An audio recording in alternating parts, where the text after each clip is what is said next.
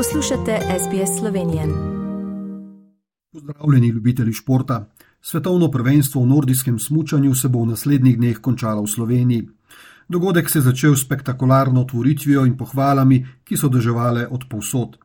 Potem pa je vsaj v slovenski javnosti tudi spričo nekoliko slabših rezultatov v uvodnih dneh, ter tudi nasplošno slabšega obiska domačih in tujih gledalcev, dogodek bil deležen precej kritik. Vse skupaj se je počasi začeli umirjati po bronastem odličju mešane skakalne reprezentance najboljših fantov in punc, ki je bila prva slovenska medalja na tem prvenstvu.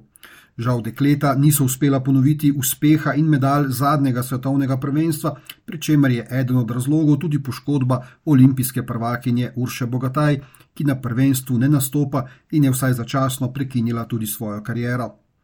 Tako žensko kot moško tekmo na mali skakalnici je krojilo precej spremenljivo vreme in neugodne vetrovne razmere, ki našim niso bile naklonjene.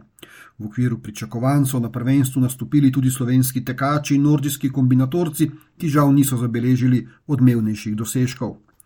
Danes pa smo dočakali enega od domačih vrhuncov, saj je bila na sporedu posamična tekma fantov na veliki skakalnici in planica je bila zapolnjena praktično do zadnjega kotička. Boljšega razpleta si ne bi mogli želeti, saj je Timi Zajc upravičil slovenska pričakovanja in postal svetovni prvak. To je po Franciju Petku, Roku Benkoviču in Emi Klinec četrti slovenski naslov svetovnega prvaka v smučarskih skokih. Tim je bil po prvi seriji drugi, na koncu pa je prepričljivo ugnal vodilnega po prvi seriji Japonca Kobayašija. Anžela Nišek je osvojil 11. mesto. Konec dober, vse dobro, tako nekako bi lahko pove, povzeli zgodbo letošnjega svetovnega prvenstva v planici, ki pa ga še ni konec, saj bo jutri na sporedu še en vrhunec. Ekipna tekma fantov na veliki skakalnici, kjer bodo naši prav tako med favoriti za medaljo. Nadaljujejo se tekme v evropskih klubskih rokometnih tekmovanjih. Rokometaši celja so žal izgubili možnosti za vrstitev v drugi del tekmovanja, potem ko so v zadnjem, predzadnjem krogu v gosteh izgubili z nemškim kilom, na to pa še doma z danskim Olborgom.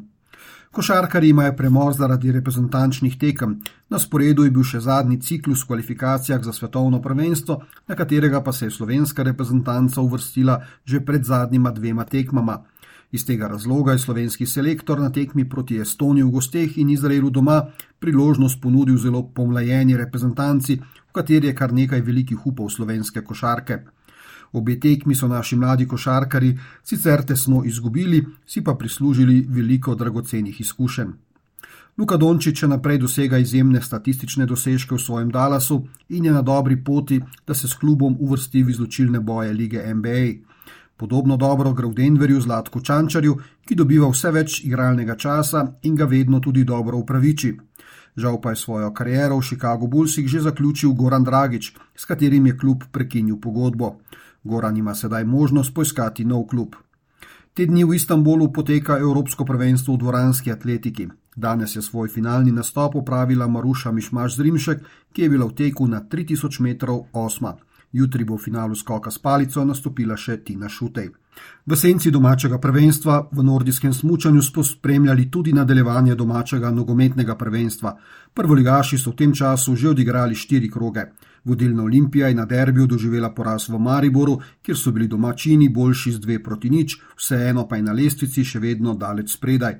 Po 24 odigranih krogih ima 14 točk prednosti pred Mariborom in še dve več pred tretjimi celjani. To je bil pregled športnega dogajanja v minulih 14 dneh v Sloveniji. Tudi tokrat sem ga za vas pripravil Tomaš Ambrožič, ki vas prav lepo pozdravljam. Želite slišati sorodne zgodbe? Prisluhnite jim preko Apple ali Google podcasta, preko aplikacije Spotify ali kjerkoli drugje.